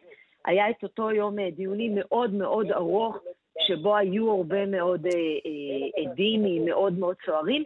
למיטב הבנתי הוא מקבל את התביעה, בואו נשמע, הנה. רגע, הנה ההחלטה, אולי נוכל לשמוע אותה? בפרסום הראשון ייחס מר אולמרט לתובעים מחלת נפש שאינה בת שיקום, ואף ציין כאילו נשקלו... להבנתי הוא מקבל את התביעה רק רגע. כן, בואי נשמע, בואי נשמע היה כל פסיכיאטר בעל מצפון מורה על אשפוזם. אין ספק כי גם היום, ולמרות מאמצים גדולים של גורמי מקצוע לתקן את המצב, ההתמודדות עם מחלת נפש מלווה בתיוג חברתי שלילי. שלא, שלא כמו מחלות רבות אחרות, המתמודדים עם מחלות נפש נדרשים להתמודד לא רק עם המחלה עצמה, שהשפעתה על חייהם ועל חיי הקרובים להם היא דרמטית ועלולה להיות קשה, אלא גם עם תפיסה חברתית, המטילה על המתמודדים סטיגמה שלילית, לעתים עד כדי בידוד חברתי. האם סטיגמה כזו היא מוצדקת? אין ספק שלא. האם תיוג מתמודדים עם מחלות נפש הוא הוגן? ודאי שלא. בשונה מהתמודדות עם מחלות אחרות, שבהן הסביבה החברתית... בינתיים, אם אתם שומעים אותי, שאחד הדברים שבאמת אה, ניסו אה, לטעון לאורך התביעה הזאת, זה שמדובר בתיוג לא, אה, לא הוגן. עכשיו, לפי מה שאני מבינה, התביעה הזאת מתקבלת, התביעה של משפחת נתניהו התביעה התקבלה מתקבלת בעיקרה. אנחנו כן, זו- פשוט, זו שומע- ה- אני שומעת כן. את זה בדיליי, אולי נמשיך לשמוע. מרבים, ויש להצר על כך. עם זאת, וגם אם אפשר לקוות כי ביום מן הימים ייעלם התיוג, וההתייחסות למחלות נפש תהיה כאל התייחסות לכל בסדר, מחלה אוקיי. אחרת. אז אנחנו יודעים... כן, נתניהו אה, ניצח בתביעת הדיבה שניהל מול כן. אהוד אולמרט. האדונים הנכבדים לא נמצאים באולם. לא, הם לא נמצאים, הם אה, לא היו גם מחויבים להגיע. כן. אה, את יודעת להסביר אבל משהו על עצם שידורו של האירוע הזה? סליחה? את יודעת להגיד משהו על ההחלטה לשדר את האירוע הזה? כן, ודאי. במסגרת, כמו שהזכרתם בהתחלה, אה, בסופו של דבר, זה חלק מפיילוט שהתחיל בבית המשפט העליון ועבר לדיונים ב- בתיקי בית משפט אה, שלום. כן, אבל למה, למה, מי- מי מחליט שזה ישודר השופט? זה אה, בדרך כלל הנהלת הרשות השופטת בהתייעצות עם השופט. בעבר, אגב, היו שואלים את הצדדים, הם יכולים להביע התנגדות, אבל ההחלטה הסופית היא של בית המשפט. אבל אין כאן, גם, גם הרשות השופטת, אה, לא יודע מי זה, אם הנשיאה, המנהל או מי שזה לא יהיה, לא יטענו שיש כאן איזה דיון חשוב ועקרוני מבחינה משפטית. יטענו שיש עניין ציבורי רב, זה בדיוק הטיעון שאנחנו היינו מגישים כל הזמן, הבקשות שאנחנו היינו מגישים ככלי תקשורת וגופי תקשורת, לשדר דיונים, והיינו אבל אם כבר, ציבורי. אם כבר היה עניין בזה, נניח שנקבל את העמדה הזו, אז היה עניין אולי לשדר את הדיונים. פסק הדין, אין בו כלום. יושב לו שופט מול מצלמה ומקריא. אז כן, אבל מצד שני... בדיונים שבית המשפט העליון אישר לשדר מבית המשפט העליון או, מבג... או, או בשבתו כבג"ץ, היה מעניין לציבור לצפות בדיון, לשמוע את הצדדים השונים טוענים, לשמוע את השופטים מקשים עליהם. אין את זה כאן. קיבלנו כאן את השורה התחתונה, ואת השופט מצטלם. אז אני, אני אומר על זה משהו. קודם כל נחזור לשורה התחתונה, שהשורה התחתונה היא שבאמת, אה, כמו שאמרנו, דין התביעה להתקבל אה, בעיקרה. כלומר, משפחת נתניהו, אנחנו מיד נשמע את הפרטים, אבל בשורה התחתונה זאת אה, אה, השורה התחתונה, ומיד נראה את, ה, את הסכומים גם שנפסקו. עכשיו, לגבי ההבדל, יש הבדל מאוד גדול בין דיונים בעליון לבין דיונים בשלום ומחוזי. ונראה שההחלטה לשדר פסקי דין היא בעצם עניין של מה שאנחנו מדברים עליו כל הזמן, האיזונים והבלמים.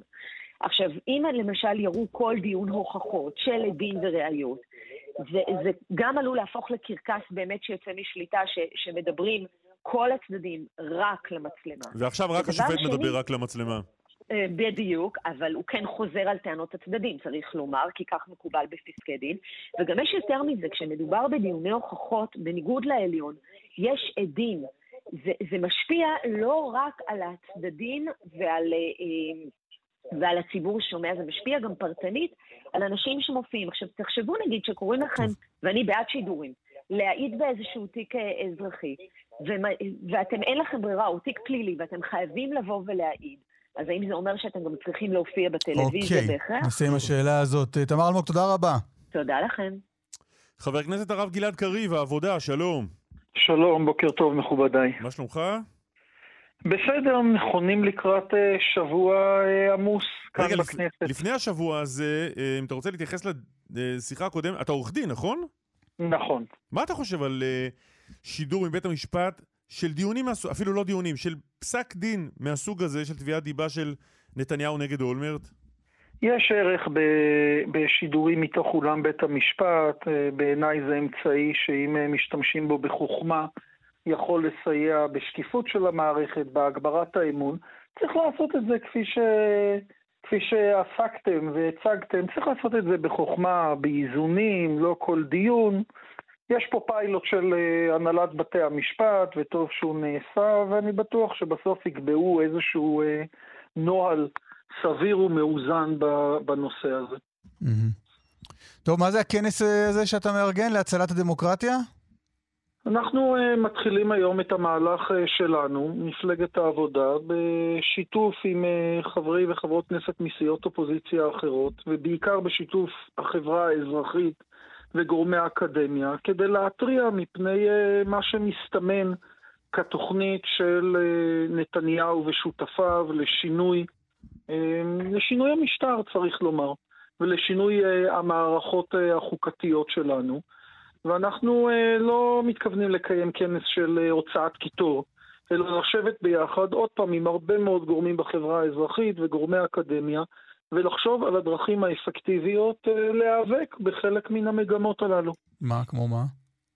כמו למשל המחשבה שראוי אה, לחוקק אה, פסקת התגברות ברוב של 61 אה, שתרטש את ההגנה החוקתית על זכויות אדם, כמו הכוונה המסתמנת לשנות את הרכב אה, הוועדה למינוי... לא, לא, לא. אסף שאל אותך, כן, כן, מה- לא מה- מתכוונת הקואליציה לעשות, אלא מה אתם מתכוונים לעשות. איך מצילים, איך מצילים את הדמוקרטיה? תראו, א', אה, אה, אני, אני מבין את החזרה הזאת על הכותרת של הצלת, הצלת הדמוקרטיה. אנחנו באמת חושבים שאנחנו ברגע זה קריטי. השם של הכנס, לא? נכון, אנחנו חושבים שאנחנו נמצאים באמת ברגע קריטי, שבו אנחנו יכולים להתעורר תוך כמה שבועות עם אה, מציאות אה, שבה הדמוקרטיה הישראלית הרבה יותר חלשה בכל מה שנוגע להגנה לזכויות אדם. ומכיוון שיש אה, מסתמן אה, רוב פרלמנטרי לממשלת, לממשלת נתניהו, הדרך להיאבק בעניין עוברת דרך מספר מסלולים. קודם אוקיי, כל, כן. מחאה ציבורית. משמעותית, אני חושב שיש ציבור גדול מאוד בישראל שמודאג מהמגמות האלה, זה ציבור שידע לצאת לרחובות ואנחנו בהחלט רואים את המסלול הזה כמסלול משמעותי. הדבר השני הוא פעולות הסברה. הסוגיה החוקתית היא לא סוגיה פשוטה, וצריך, ויש פה הרבה מאוד פייק ניוז אה, שמגיע מהצד השני, וצריך להסביר בצורה טובה. ואני גם אומר שיש לנו משימה גדולה לאתר את אותם גורמים בליכוד, ואולי גם במפלגות אחרות, שניתן לשוחח איתם, וניתן גם uh, להציג בפניהם את החששות ואת הניתוח שלנו, למה מדובר בצעד שהוא בכייה לדורות. Uh, ואנחנו uh, נדבר על כל הדברים האלה, והמטרה היא עוד פעם, היא לא לשחרר קיטור, אלא היא להתניע היום פעולה אופוזיציונית uh, משמעותית, כדי uh, להקשות על הקואליציה העתידית. אתם אה, אופוזיציה מאוד חלשה. כלומר, קודם כל אתה אומר יש ציבור גדול, אתם במפלגת העבודה ציבור די קטן, אבל, אבל בכלל, גם בתוך האופוזיציה אתם לא, לא ממש... אה, מדבר כמו ילדים חברים. אחד של השני. בסדר גמור, אני רואה את אותם קשיים אה, היום גם בין, אה, בין, אה, בין הסיעות שתרכבנה את הקואליציה. אף אחד לא מכחיש שהגוש שלנו גם הגיע בצורה אה, לא מיטבית אל הבחירות, ואני גם לא אכחיש את העובדה שאנחנו צריכים ללמוד בשבועות הקרובים כיצד, אה, כיצד לעבוד ביחד בצורה הרבה יותר יעילה.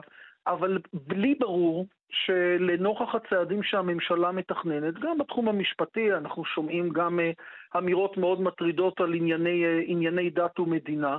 האופוזיציה, סיעות האופוזיציה, uh, תתגברנה על המחלוקות תגיד, ותדענה אולי, להציג... אני, אני תוהה, אולי כדאי קודם רגע להפיק לקחים מהבחירות.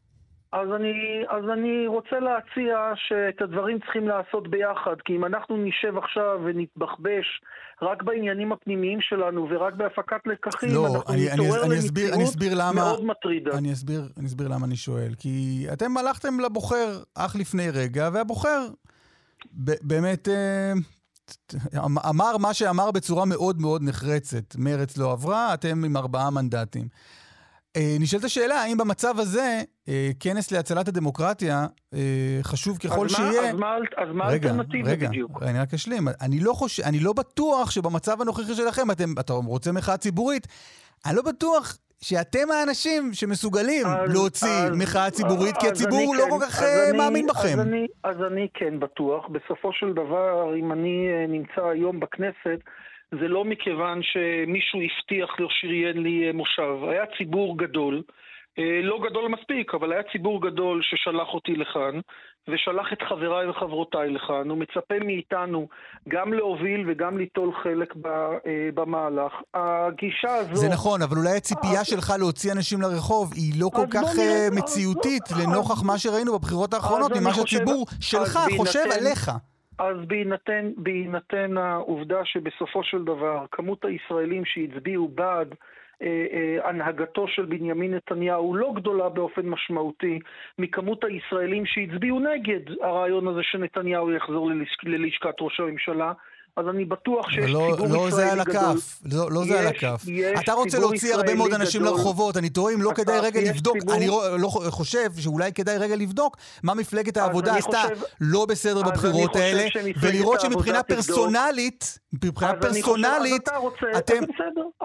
לך, זה מה שאני שואל, לך אין מחשבות כאלה? אה, לא, לי אין מחשבות כאלה. אין לך מחשבות כאלה. אסף, אם תיתן לי להשלים, אני אשלים. לא, אין לי מחשבות כאלה.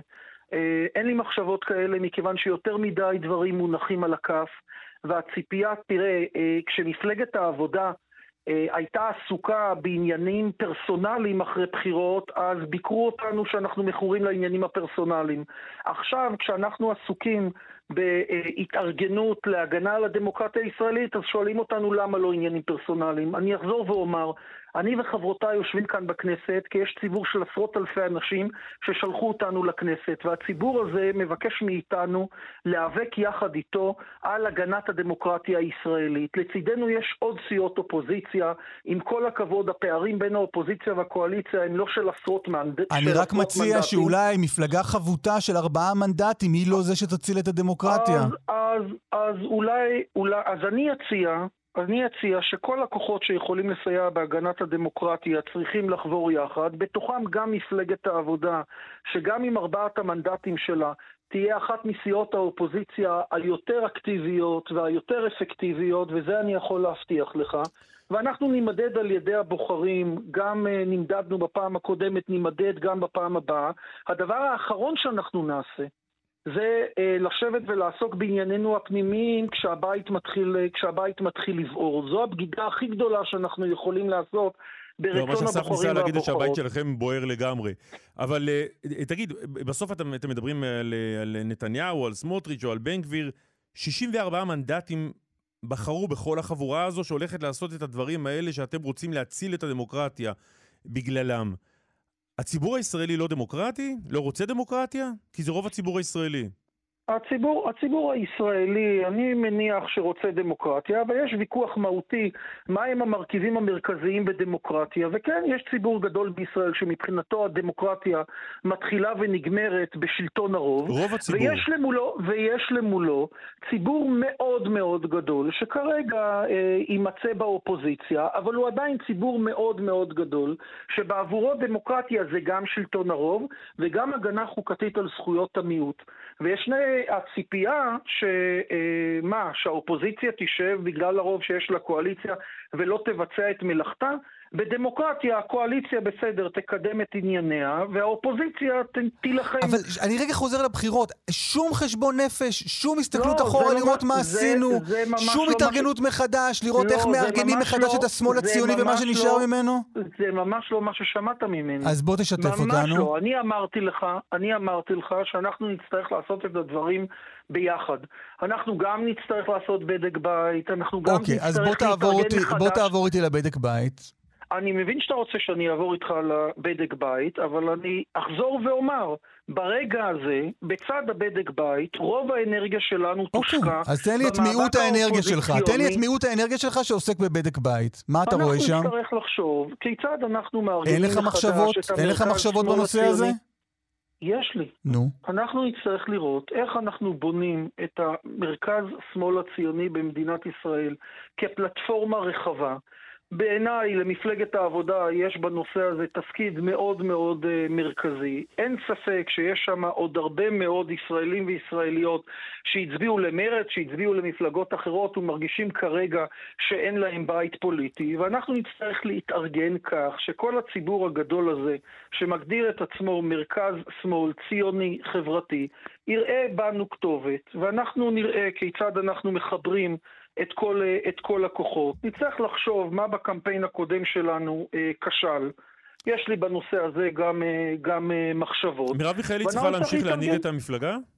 אתה יודע, מפלגת העבודה, אולי בניגוד לחלק גדול מסיעות הבית, היא מפלגה דמוקרטית. ובמסגרת הדמוקרטיה אני מניח שלכל אחד מהחברים, גם לחבר הכנסת גלעד קריב, יש עמדה, ולכן אני שואל מה עמדתך שלך. אנחנו, עוד פעם, מפלגת העבודה יש מנגנונים דמוקרטיים. גם אני, גם מרב מיכאלי, כל אחד אחר, אם ירצה להמשיך בתפקידו, יגיע נו, מה עמדתך? קלמן שאל מה עמדתך? דמוקרטיה, אפשר גם להביע עמדה. אני אומר לך, אין לי שום צורך ושום רצון לעסוק בנושאים האלה כרגע. אני חושב בניגוד אליכם, שחברי וחברות המפלגה שלנו לא עסוקים בנושא הזה כרגע, אלא עסוקים בשאלה מה אנחנו עושים כדי לעמוד למול הקואליציה המשתמנת. אני לא יודע, אני לא יודע אם אתה צודק. אני לא יודע אם בוחרי מפלגת העבודה לא אומרים לעצמם, חברים, החבורה הזאת, או לפחות המנהיגה שלה, אה, לא הצליחו בבחירות האלה, וצריך לחשוב מה עושים איתם. אה, כדרך אגב, תאמר, אה, אה, אותה שאלה צריכים לשאול אה, כל יתר אה, מנהיגי סיעות האופוזיציה? לא יודע, שהם יהיו כאן על הקו, נשאל אותם את מה שאתה חושב. מי שלא הצליח. יש איזושהי תחושה, לא, כי יש איזושהי תחושה שהשאלה הזאת תמיד חוזרת לפתחה של מפלגת העבודה. מפלגת העבודה תעסוק בנושאים הפרסונליים. אני מניח שאם יאיר לפיד בבחירות הקודמות היו לו 17 מנדטים והוא עלה ל-22, פחות 20 וכמה, 24? פחות רלוונטי לשאול אותו את זה. כשיגיע הרגע לעסוק בעניינים הפרסונליים, אנחנו נעסוק בעניינים פרסונליים. תראה, המפלגה שהכי לא הצליחה מהגוש שלכם היא מרץ. היושבת ראש שלה הסיקה את המסקנות התפטרה. הבאה בתור באי ההצלחה זו מפלגת העבודה. אז הנה, אדוני על הקו. שואלים אותו את השאלה הזו. גמור, אז אה, אתה יכול לשאול, את, אה, לשאול אותי את השאלה, ואני אומר לך שאנחנו כרגע לא עסוקים בנושא הזה. אנחנו עסוקים כרגע בדבר שהוא הרבה יותר חשוב. והוא הרבה יותר גדול. וכשמדברים איתנו על להחזיר את ההפרדה המגדרית בחקיקה, וכשמדברים איתנו לשנות את המעמד של חוק יסוד כבוד האדם וחירותו, וכשמדברים איתנו על הכשרת מאחזים בלתי חוקיים, אז אנחנו עוסקים בנושא הזה. ובניגוד אליך, מדבר... בניגוד אליכם, אני חושב שאלה הנושאים שהציבור שלנו מבקש מאיתנו לעסוק בהם. אז בואו נדבר על אחד הנושאים שאני לא יודע אם הציבור שלכם ביקש, אבל אתם צעקתם נגדו אתמול בעוצמה רבה. אה, נגד היוזמה לאפשר אה, הפרדה מגדרית באירועים אה, תרבותיים ואחרים של החברה החרדית. למה בעצם? מאיפה באה ההתנגדות לזה? לא זאת היוזמה, כי לא זאת היוזמה. הגיע הזמן פעם אחת להסיר את, ה, את הפייק ניוז הטוטלי בנושא הזה. Mm-hmm. אין שום מניעה לקיים אירועי תרבות בהפרדה מגדרית. עשרות אירועים כאלה מתקיימים מדי שבוע בכל רחבי הארץ, חלק גדול מהם במימון ציבורי ובמתקנים ציבוריים. אתה זוכר את הדיון הגדול באוגוסט, שהיה כאן, שהגיע עד בג"ץ עם ההופעה של מוטי שטיימץ בעפולה? כן, ואתה זוכר שההופעה הזאת התקיימה? ואתה זוכר שבסופו של דבר בית המשפט העליון, כשביטל את החלטת בית המשפט המחוזי, ביטל אותה על עניינים טכניים ולא נכנס לדיון המהותי, ואתה זוכר שבאוגוסט 2019 יצאה הנחיה מה הייתה העמדה שלכם בעניין ההוא של מוטי שטיימץ? סליחה, שנייה, שנייה. ב-2019, אוגוסט 2019, יצאה הנחיה של היועץ המשפטי לממשלה שנותנת את הפרמטרים לקיום אירועים תרבותיים בהפרדה.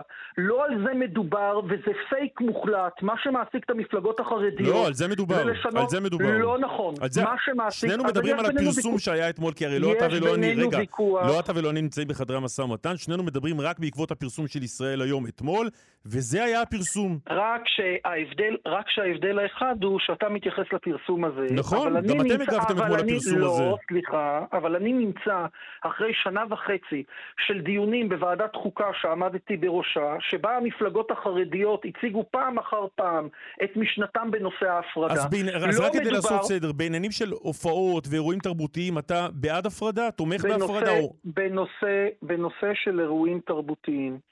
יש בהחלט מקום לאפשר אירועים תרבותיים בהפרדה. Mm-hmm. צריך לראות כיצד בחלק מהאירועים האלה יש גם אזור מעורב. צריך לראות כיצד האירועים האלה אבל אם חרדים לא רוצים מונעים- לארגן אירוע כזה שהוא לא מעורב, אם מונעים- אתי אנקרי רוצה להופיע רק בפני נשים, אתה אני- לא אבל נותן אתה לה? מבין- אבל אתה, חבל שאתה לא, שאתה לא מקשיב, כי אני בא ואומר, בנושא של אירועים תרבותיים, לא צריך בכלל להיכנס לדיון עקרוני, מכיוון שהנושא הזה גם מוסדר ברמת החוק, לא, אמרת שצריך לתת- הנהלים. לתת גם אזור מה- מעורב. אני שואל אם הם מה- לא רוצים. לא, אין חובה לתת אזור מעורב, זה אחד מהפרמטרים בנוהל שנקבע על ידי היועץ המשפטי. אבל אני חושב שאתה אה, מתעלם מסדר היום שהמפלגות החרדיות מעוניינות לקדם לא, אותו עזוב את סדר, אני אומרות רוצה לב- אותו. אני רוצה לב- לברר את עמדתך שלך.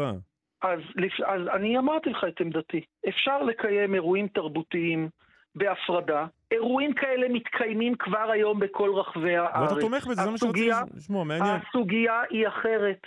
הסוגיה היא האם אנחנו נשנה את החוק כך שניתן יהיה להחזיר את קווי המהדרין באוטובוסים. האם ישנו כאן את החוק כך שבסופו של דבר יהיה ניתן לקבוע שחלק מהשירותים הציבוריים כמו אה, קופת חולים ניתנים בהפרדה. האם נחזור למצב שבו לדיילי אל על יהיה מותר להקים נשים ממקום מושבם ולהזיז אותם למושב אחר? כן, כי לא יש ראיתי דרישה כזו במשא ומתן. הקואליציוני, כשהיא תהיה אז נדבר. יש בינינו, אז יש בינינו מחלוקת במה מדובר, כי כשמדובר על תיקון החקיקה שאוסרת על הפרדה מגדרית, מדובר אוקיי. גם על הדברים האלה, ועל הדברים הללו, מפני הדברים הללו אנחנו אוקיי. מתריעים. תודה רבה לך, חבר הכנסת תודה, הרב תודה. גלעד קריב. תודה, מפלגת תודה, העבודה. אל קייזר, שלום.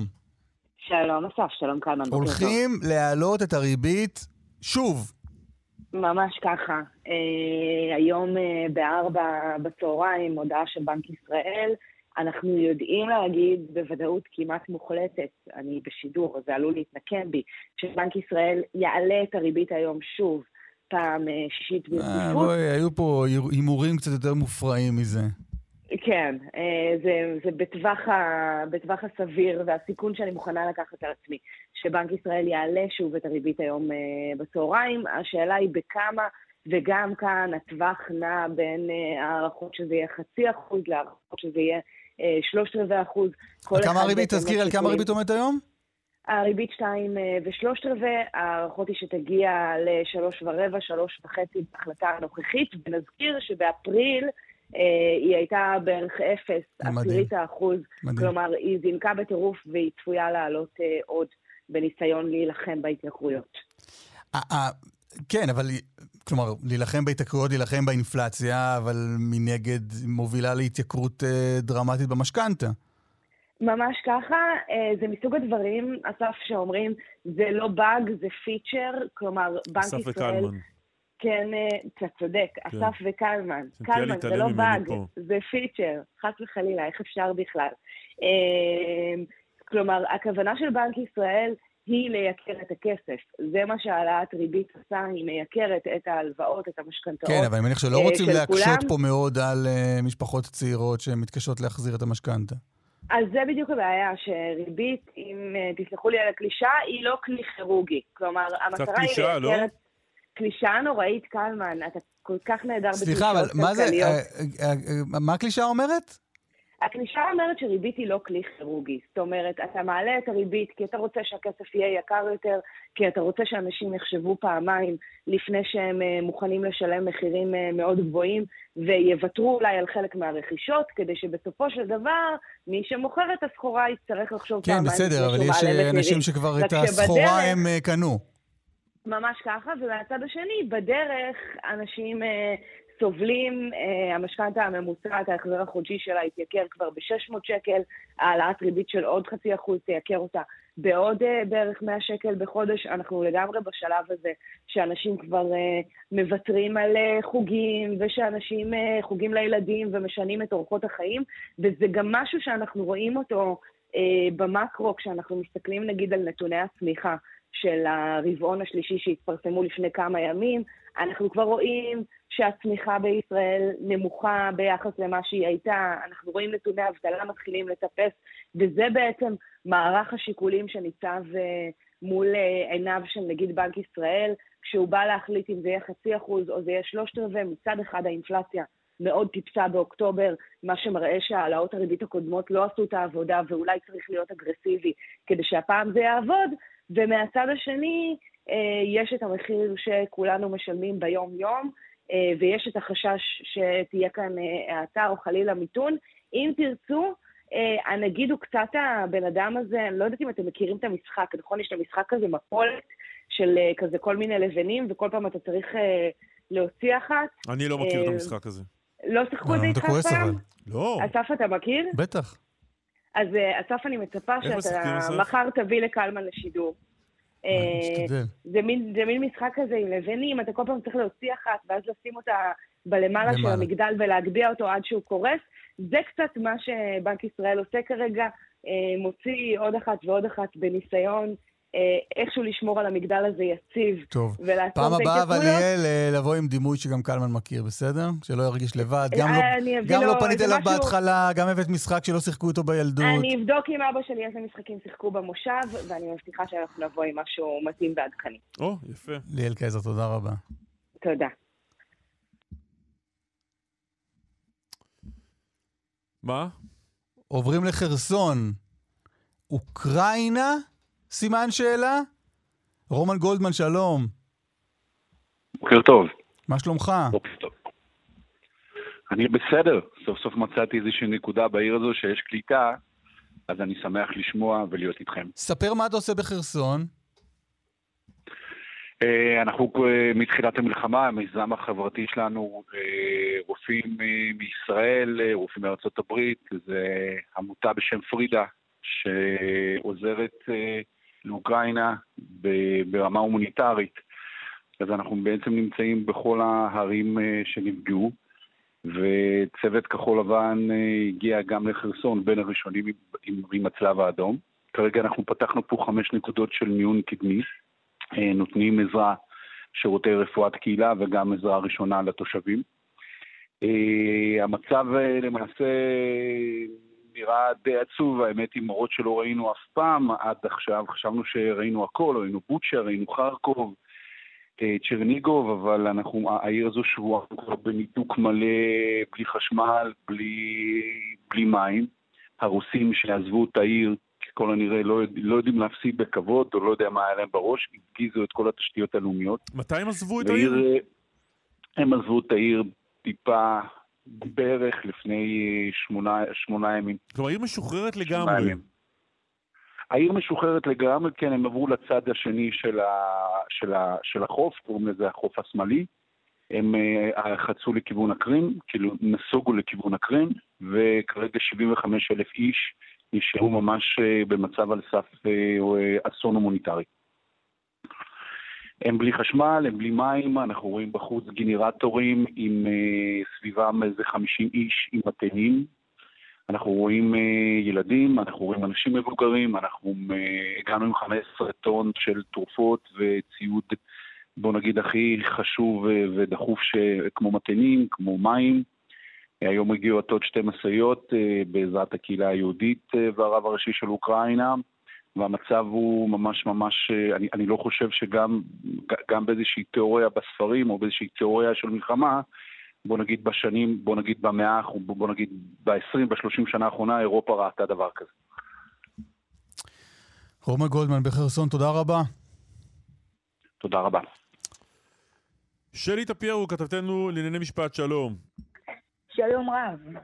אז אה, אה, דיברנו על ענייני ההליך המשפטי הזה של אה, נתניהו נגד אולמרט, בואי תני לנו את השורה התחתונה בסוף. כן, אז השורה התחתונה, אתה יודע, לפרקים, כמי שליוותה את תביעת הדיבה הזו בלא מעט דיונים, היה נראה לפעמים שזו ההצגה הכי טובה בעיר במרכאות, כאשר באמת רף הדברים שהוחלפו בין פרקליטו של נתניהו לפרקליטו של אולמרט היה באמת רף אה, לעיתים אה, בלתי אה, נסבל, ומגיע היום בעצם פסק הדין. שמקבל את תביעת הדיבה הזאת. נזכיר רק תביעת הדיבה שבני משפחת נתניהו כולל שרה נתניהו וכולל אה, יאיר אה, נתניהו, הגישו נגד אה, מר אולמר, שבעצם טען שהם חולי נפש, שהם זקוקים לאשפוז, סובלים ממחלת נפש, ובעצם בית המשפט היום דוחה דוחה את כל מה שאולמרט ניסה לטעון אה, במהלך אה, התביעה הזה, אמת דיברתי, אמת בפרסום, הוא אומר שיש בדברים שלו לשון הרע, בוודאי נוכח העובדה שעדיין חולי נפש מתויגים בחברה על כל הסטריאוטיפים, אבל כוכבית מאוד מעניינת בכל מה שנוגע למדרג הפיצויים, הוא קובע שדווקא איש הציבור אה, הוא זה שזכאי לפיצוי הנמוך ביותר, מכוח העובדה שהוא איש ציבור. זה יאיר נתניהו, איש הציבור. לא, לא, לא, לא, דווקא בנימין נתניהו, אה. זה מה שהוא קובע. לגבי יאיר נתניהו, הוא קובע שדווקא הבן זכאי לפיצויים הגדולים ביותר, אבל, וכאן הכוכבית, נוכח העובדה שיאיר נתניהו בעצמו, השתמש במונחים של מחלות נפש כאלה ואחר, ואחרות כלפי אחרים, הוא קובע שהפיצוי שלו יהיה נמוך, למרות שמלכתחילה הוא אומר שהוא היה זכאי לפיצוי גבוה, לו הוא בעצמו לא היה משתמש באותם אה, מונחים אה, קשים שבגינו הוא תובע. בשורה התחתונה כ-100 אלף שקלים, 62 אלף שקלים למשפחת אה, נתניהו, כאשר 35 אלף שקלים לשר נתניהו, יאיר נתניהו יקבל רק 7,500 שקלים ונתניהו יקבל 20 אלף שקלים, ועוד 20 אלף שקלים שכר טרחה, 25 אלף שקלים שכר טרחת עורך דין והוצאות של 10,000 שקל. כבר אמר משהו על איזה כוונה לערער? אז אה, כן, בוא נאמר שהפרקליטו, עורך הדין אמיר טטנוביץ', יותר מרמז שבוודאי לא מדובר בסוף פסוק, ויש מצב שהתיק הזה אפילו יגיע עד לבית המשפט העליון. אולמרט עצמו נמצא בחו"ל, הוא לא היה כאן, הוא אה, כמובן, אה, עורך הדין שלו בישר לו על פסק הדין הזה, אבל שוב, אפשר היה להבין שפניהם למחוזי, ואולי גם לבית המשפט העליון. שלי, תודה רבה. תודה. מי יצחק אחרון? פינת המונדיאל של יצחק בן יצחק. יצחק בן יצחק, פרשן קלמן ליברמן למונדיאל קטאר 2022, השופט, שופט הכדורגל הבינלאומי לשעבר, מר בן יצחק שלום. בוקר טוב חברים, חג מונדיאל שמח. התגעגענו מאוד מאוד מאוד. מה, אתם התגעגעתם ואני מה? אתה מבין, אני שומע ומאזין לתוכנית שלכם, ואפילו אני דואג לגבי מכשיר הפלאפון שנעלם לאסף. קנינו לו חדש, קנינו לו חדש. אה, בסדר, אבל אנחנו צריכים את הישן גם. נתקדם, נתקדם, יש לנו מונדיאל. אני סומך על מערכת אכיפת החוק, שאתה מבחינתי עומד בראשה, שתגיעו לגנב. איך אה, ההתרשמות שלך מיום המשחק הראשון אתמול בקטאר? תשמע, אני את האמת, כולם דיברו על הבירה, לא בירה, כן בירה. אלכוהול וכל הדברים האלה, אני, אני זה, שמתי את זה בצד. למה? כי אני, אם אני מערבב קולה וספרייט אני משתכר. אז אני דאגתי מה יהיה עם מזג האוויר החם, ומה יהיה עם הנושא הזה של השיפוט ור. וכבר בדקה השלישית, כבר עם השער הג...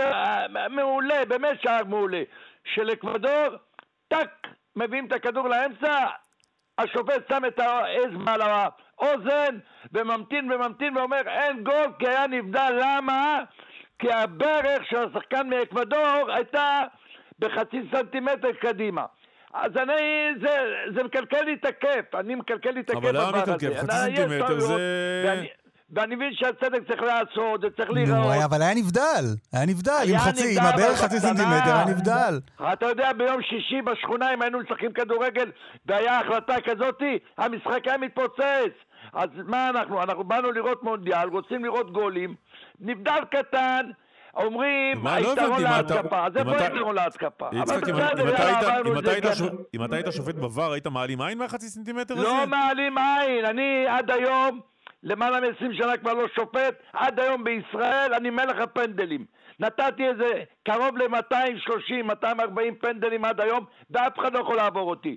אז אני בטוח שחצי מהפנדלים לא היו מוצדקים. לא, אבל מה אתה עושה במקומו? אתה הולך לבר, אומרים לך, הברך חצי סנטימטר קדימה, מה אתה עושה? דקה שלישית, אומר להם, אל תתערבו לי בעניין הזה. אני, הכוון, הכוון עמד במצב נהדר. הכוון, כולם, שלישיית שיפוט מעולה מאיטליה. תתקדמו הלאה. זאת תפיסה משפטית שמרנית מאוד. וזה קצת שבר את התזה באותה שנייה על חלוקת הכספים לשחקנים של אקוודור שלא ינצחו. והסתבר שזה עורבא פרח. אה, כי היה דיבור ששיחדו אותם, או שניסו לשחד אותם. כן, אבל זה היה, אתה רואה, זו הייתה שמועה ללא... אני גם, היה חסר לי, אה, אה, אתה יודע, בכל מונדיאל מביאים לנו תמנון, או ארנב, או שפן, שידע את התוצאות. אמרו שיביאו איזה דוב פנדה. אבל בסדר, קטאר עשו את כל המאמצים. טוב, תכין אותנו להיום. לאיזה משחק כדאי לשים אה, לב? לפי התורה שלכם, שאתם קודם השמעתם, אני קצת מערבב את זה וקצת לא. יש לנו היום את אנגליה עם איראן, אז ברור לנו שאנחנו כולנו עם אנגליה, ואני מקווה שהם ינצחו ויעמידו את האיראנים במקום, והם גם נבחרת יותר טובה. שהרסו להם גם את מתקני לנו את- הגרעין. כן. יש לנו את סנגל והולנד. אה, למרות מה ששמעתי, הולנד, ידעתי הולנד, שאתה הולנד, הולך עם אני ההולנדים. ממשיך ללכת עם הולנד, למרות ידעתי. שסנגל נבחרת מעולה, ויש לנו את ארצות הברית עם ווילס. עכשיו פה אני מקווה שהאמריקאים קצת אה, שיפרו את היכולות שלהם מהטורניר האחרון, ונראה לי שהם אה, ינצחו. זה נבחרת אומנם שהכדורגל בארצות הברית הוא לא הספורט הכי חזק, אבל אה, יש להם נבחרת מעולה. אתה הולך היום אנגליה, ארה"ב והולנד. אני הולך, אתה יודע, אני אמרתי עוד פעם, אני הולך על אנגליה, על הולנד ועל ארצות הברית. ואני מקווה, אתה יודע, אתמול היה חם באצטדיון, אבל יש מזיוג וכל הדברים, והשופט האיטלקי נתן כמה נראה. פעמים... אה, בוא נראה מה יקרה היום, אנחנו נדבר עוד בהמשך השבוע הזה. יצחק בן יצחק, תודה רבה. השם. בעזרת השם. איתמר דרוקמן, נדב טוב. רוזנצוויג, אגדה סיוון, אריאל מור, קובי בז'יק, יהוד כהן, קלמן ליבסקין, תודה. צ'או.